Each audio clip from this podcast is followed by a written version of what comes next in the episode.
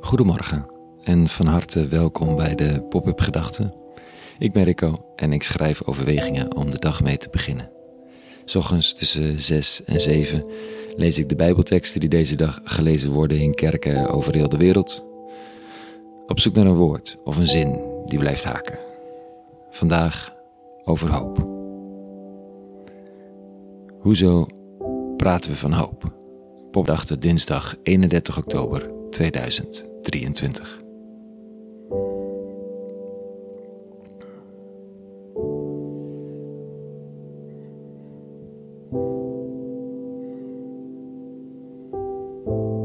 Er drupt wat water van het plafond.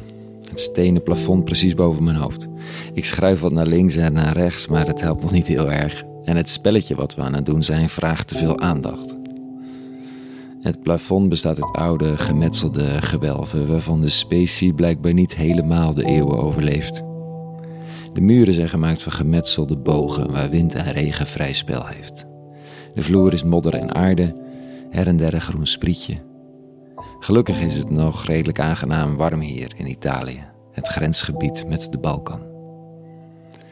De drup, de wind, de verspreide tentjes die hier staan, bedekt met een extra deken voor de warmte. Niets heeft echte aandacht, want er wordt Uno gespeeld. En lachend fanatiek.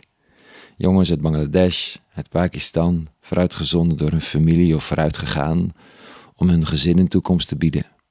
En ze hebben na een lange reis via Turkije, Griekenland, soms Bulgarije en de Balkan Italië gehaald. De situatie is mensonterend, daar is geen ander woord voor. Maar de sfeer is opgetogen. We worden met ons groepje grenzenreizigers van ons initiatief Walk of Shame Europe van harte welkom geheten. Pakistaanse zwarte thee met gecondenseerde melk is echt lekker, kan ik je vertellen. En terwijl we met een plan Uno-kaarten leggen, zijn anderen op professioneel geïmproviseerde wijze platte broden aan het bakken boven een vuurtje. We komen niet om te helpen, zeggen we altijd met deze walks. Want wat deze mensen natuurlijk echt nodig hebben, kunnen we niet geven: een status, een legale plek. En tussen alle hulporganisaties mist soms iets simpels. Mensen die de tijd nemen om te komen zitten, praten, verhalen delen, misschien een lied zingen. Onze Italiaanse vriend zingt Bella Ciao. De gastheren uit Bangladesh zingen met overgave een lied in het Bengali als antwoord. Welkom in our home, zegt er een. En dit keer zonder gêne of cynisme. Hij meent het. Thanks for this quality time, zegt een van de anderen, als we weggaan. Als ik te loop, check ik weer even de nieuwsapps. Voortgaande grondoorlog, bombardementen, de een spreekt van genocide, de ander van lichtvaardig gebruik van een term. Een vliegtuig met Joden aan boord wordt aangevallen in Rusland, de wereld wordt opgedeeld, zo lijkt het, in kampen.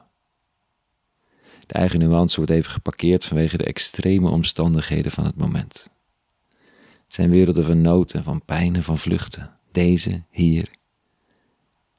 Van jonge mannen in een druppend gebouw achter een station in Trieste. In die wereld waar een online verslag, live verslag, wordt gedaan van elke move in de strijd Israël-Hamas. Hoop. Hm. De hoop zit op de grond, tussen mensen van vlees en bloed en deelt Uno-kaarten uit. De hoop zit ook met de handen in het haar het nieuws te kijken.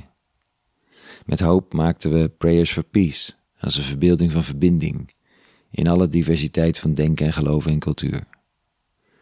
Hoop zit ook in een hoekje, zich vertwijfeld af te vragen waar dit heen gaat. Vanochtend schrijf we eens over hoop. Over een schepping, een natuur die zucht alsof ze weeën heeft.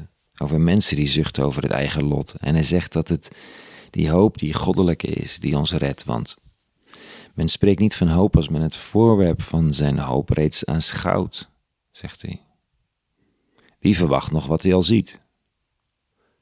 Maar omdat onze hoop is gericht op het onzichtbare, moet onze hoop en verwachting gepaard gaan met standsvastigheid.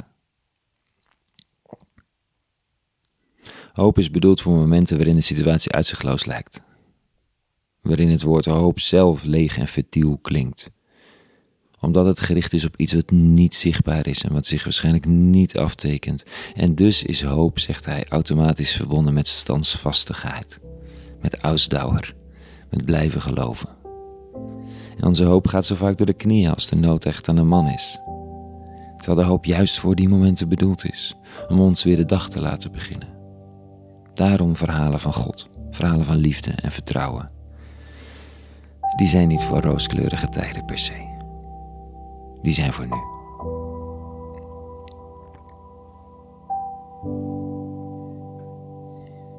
Genoeg even voor vandaag. We reizen nog even verder langs grenzen in Kroatië en Slovenië met een bonte groep van Europeanen en nieuwe Europeanen die recent nog zelf de vluchten hebben gemaakt. Een hele goede dinsdag gewenst voor jou. En vrede. En alle goeds.